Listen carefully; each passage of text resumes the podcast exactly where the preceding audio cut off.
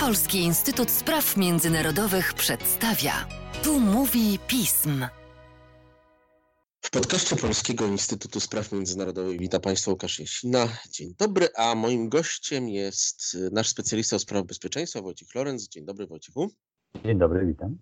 Bardzo wiele rzeczy pojawiło się w komentarzach polskich i międzynarodowych na temat naszego bezpieczeństwa po wybuchu pandemii ile oczywiście możemy to nazwać wybuchem chyba, tak? Między innymi jednym z zagrożeń, które potencjalnie miało się wtedy pojawić, miało być e, zmniejszenie amerykańskiej obecności wojskowej w e, Europie. I być może zmniejszenie tej obecności, na którą tak bardzo liczyliśmy w Polsce. Pandemia ma jednak swoje ograniczenia, o których też mówiliśmy w podcastach pismu. Dla amerykańskiej administracji publicznej, dla amerykańskiego wojska pewne operacje są nie do przeprowadzenia i właśnie takim zmniejszeniu lub nie zmniejszeniu, ale to już nam ty wytłumaczysz, Chciałem z Tobą teraz porozmawiać o, o ograniczeniu tak naprawdę bardzo mocnym amerykańskich ćwiczeń, Defender 2020. Miano po raz pierwszy od 1993 roku, czyli tego roku, w którym zaczęto rozmowę o partnerstwie dla pokoju, przerzucić siły o wielkości dywizji z USA do Europy. Stało się zupełnie inaczej. Jak ta sprawa, Wojciechu, wygląda? No, rzeczywiście Amerykanie zaplanowali pierwsze duże ćwiczenia od ponad 25 lat.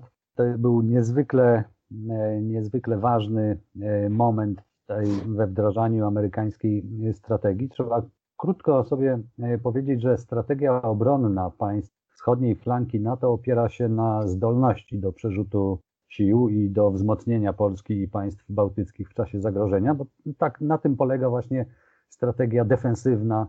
Tym się różni od ofensywnej, że nie utrzymujemy ogromnych sił przy granicy, które mogłyby być odebrane jako potencjał ofensywny przygotowany do przeprowadzenia nagłej operacji przez zaskoczenie, tylko e, utrzymujemy e, niewielkie e, siły, które pokazują solidarność z sojusznikami, które mogłyby być szybko uwikłane w konflikt i groziły szybką eskalacją. Natomiast gdyby rzeczywiście wybuchł konflikt, to bezpieczeństwo Polski, państw bałtyckich, innych państw wschodniej flanki polega na zdolności do, do ich szybkiego wzmocnienia. I po aneksji Krymu po kolejnych decyzjach na szczytach NATO w Walii i w Warszawie, NATO i Stany Zjednoczone zdecydowały się na rozmieszczenie takich niewielkich sił w Polsce i w państwach bałtyckich.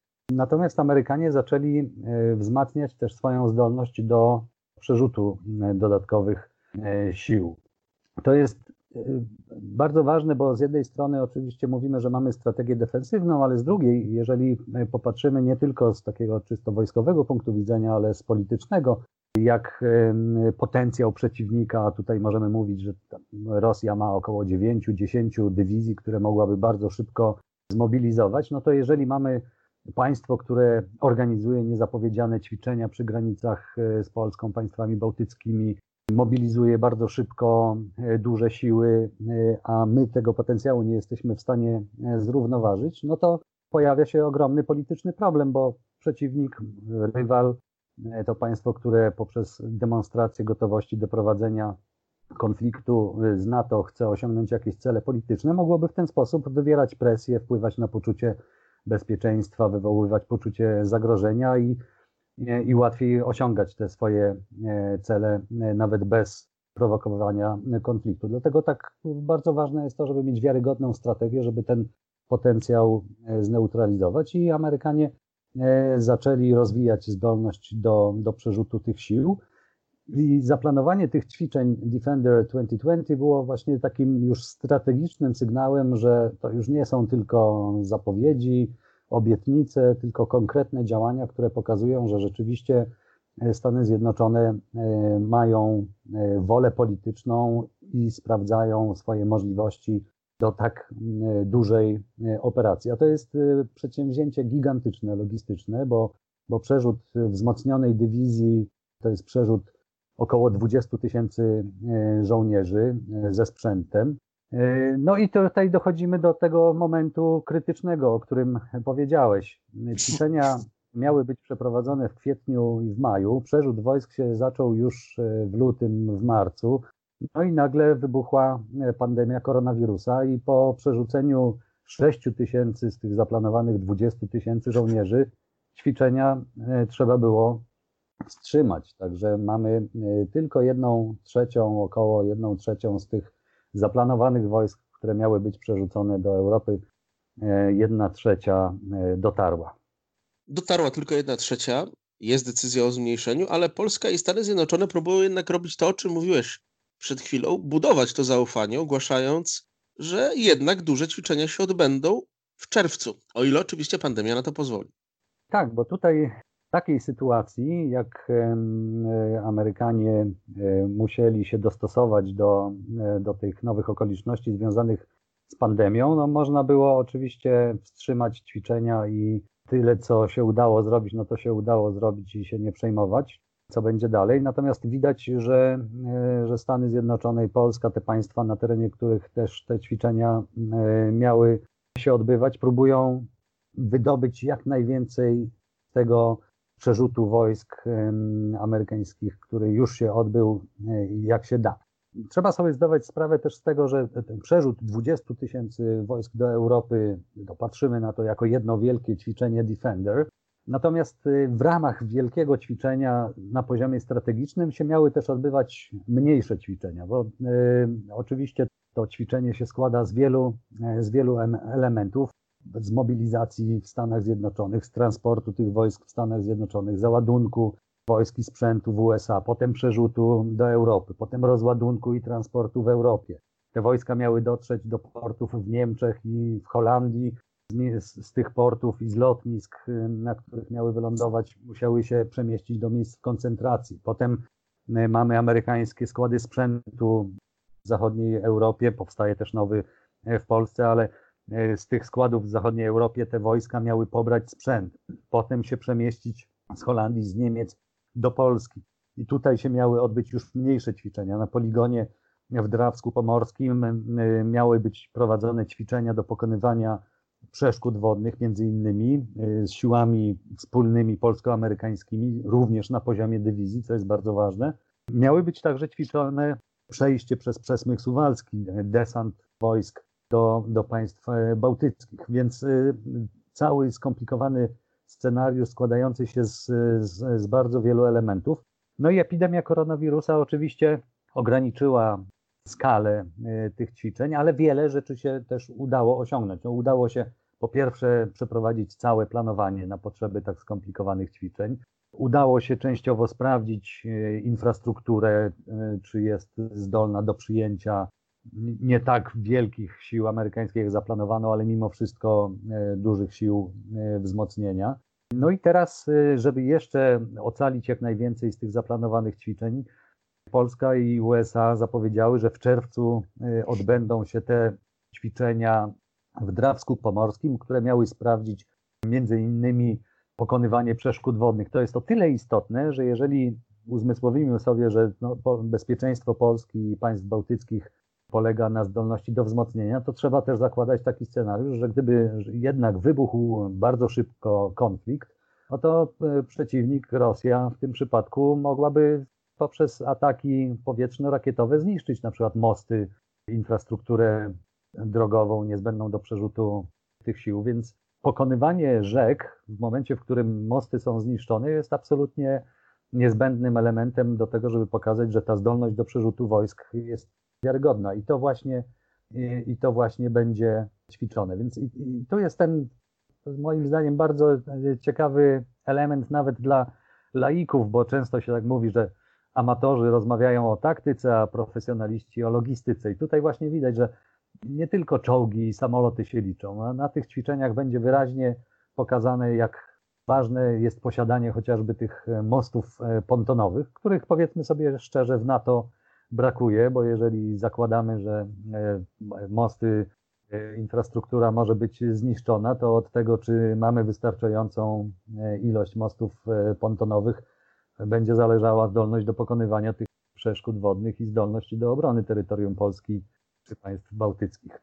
Także te ćwiczenia na mniejszą skalę się odbędą, chociaż na, na, na, w Drawsku Pomorskim, tak jak powiedziałem, na poziomie dywizji, bo 4 tysiące amerykańskich wojsk, 2 tysiące polskich wojsk uda się, uda się ten scenariusz e, zrealizować. Chociaż tak jak powiedziałeś, jeżeli tutaj znowu pandemia nam czegoś nie pokrzyżuje. O mostach pontonowych, o których mówiłeś, wiedział już Władysław Jagiełło, więc może zorientują się też planiści na że trzeba ich więcej. Ale żarty żartami. O scenariuszu ćwiczeń powiedziałeś, o ich znaczeniu polityczno-wojskowym też. Czy nie będzie wielką stratą dla NATO, y, dla Polski i Stanów Zjednoczonych, jeżeli znowu będzie trzeba odwoływać te ćwiczenia? Czy nie będzie to jakiś sygnał dla y, naszych rosyjskich obserwatorów, że nie jesteśmy w stanie dotrzymać danego słowa? To jest oczywiście, jest dwa rodzaje tutaj problemów. Jeżeli ktoś odwołuje ćwiczenia z, z powodów politycznych, na przykład Polska miała bardzo duży problem z tym, że NATO pod presją Polski jeszcze przed aneksją Krymu w końcu zatwierdziło aktualizację e, planów obronnych, e, zdecydowało się, że będzie przeprowadzi ćwiczenia e, demonstrujące zdolność do przerzutu sił szybkiego reagowania do Polski i państw bałtyckich. I w 2013 roku mieliśmy ćwiczenia Steadfast Jazz, na które oprócz Francuzów, którzy akurat dowodzili tymi siłami szybkiego reagowania, inni sojusznicy no, za bardzo nie chcieli przysłać swoich wojsk nie musieli, e, ale była to dobra okazja do takiego sygnalizowania politycznego tej swojej woli właśnie do poparcia gwarancji bezpieczeństwa traktatowych, także konkretnymi działaniami. I wtedy, e, wtedy Polska publicznie wręcz krytykowała sojuszników za ten niewielki wkład w ćwiczenia. W tej chwili już samo to, że Amerykanie przeznaczyli 300, ponad 300 milionów dolarów na te e, ćwiczenia i zaczęli je realizować, no to mamy sygnał strategiczny, który nie pozostawia żadnej wątpliwości. Z drugiej strony, oczywiście, mamy sytuację zdrowotną pandemiczną, która w sytuacji pokoju no, pozwala e, dowódcom podjąć taką decyzję. Okej, okay, wysłaliśmy ten sygnał strategiczny, nie może być żadnych wątpliwości, że jesteśmy zdeterminowani, że gdyby była wojna albo poważny kryzys, to my się ze swoich zobowiązań sojuszniczych wywiążemy, ale w tej sytuacji, ponieważ tego kryzysu nie ma, to jednak te kalkulacje zdrowotne, konieczność ograniczenia ryzyka zarażenia się wirusem naszych wojsk, co mogłoby dalej doprowadzić do, do obniżenia ich e, poziomu gotowości, a to ryzyko jest dosyć duże, bo pewnie nasi słuchacze też słyszeli o tym chociażby, że wirus się rozprzestrzenia wśród załogi okrętów, wśród załogi lotniskowców, więc, więc tym ryzykiem trzeba zarządzać. Więc podejmowana jest decyzja, że ograniczamy skalę ćwiczeń i e, podejmujemy działania, które mają chronić nasz, nasz, nasz personel. Więc gdyby, e, gdyby coś e, się działo i znowu te ćwiczenia miałyby jakoś być ograniczone, no to uznałbym oczywiście, że jest to niefortunne i uniemożliwi nam w tym momencie przećwiczenie tego scenariusza pokonywania przeszkód wodnych. Natomiast nie odbierałbym tego jako jako sygnału, negatywnego sygnału politycznego braku woli, który mógłby być zachętą, zachętą dla Rosji. Dlatego, że w momencie kryzysu są zupełnie inne kalkulacje i wtedy już kwestie zdrowotne, kwestie zarażenia się wirusem zejdą na, na drugi plan. Oby jednak żadnego kryzysu, przynajmniej w najbliższym czasie, poza kryzysem zdrowotno-epidemicznym, nie było.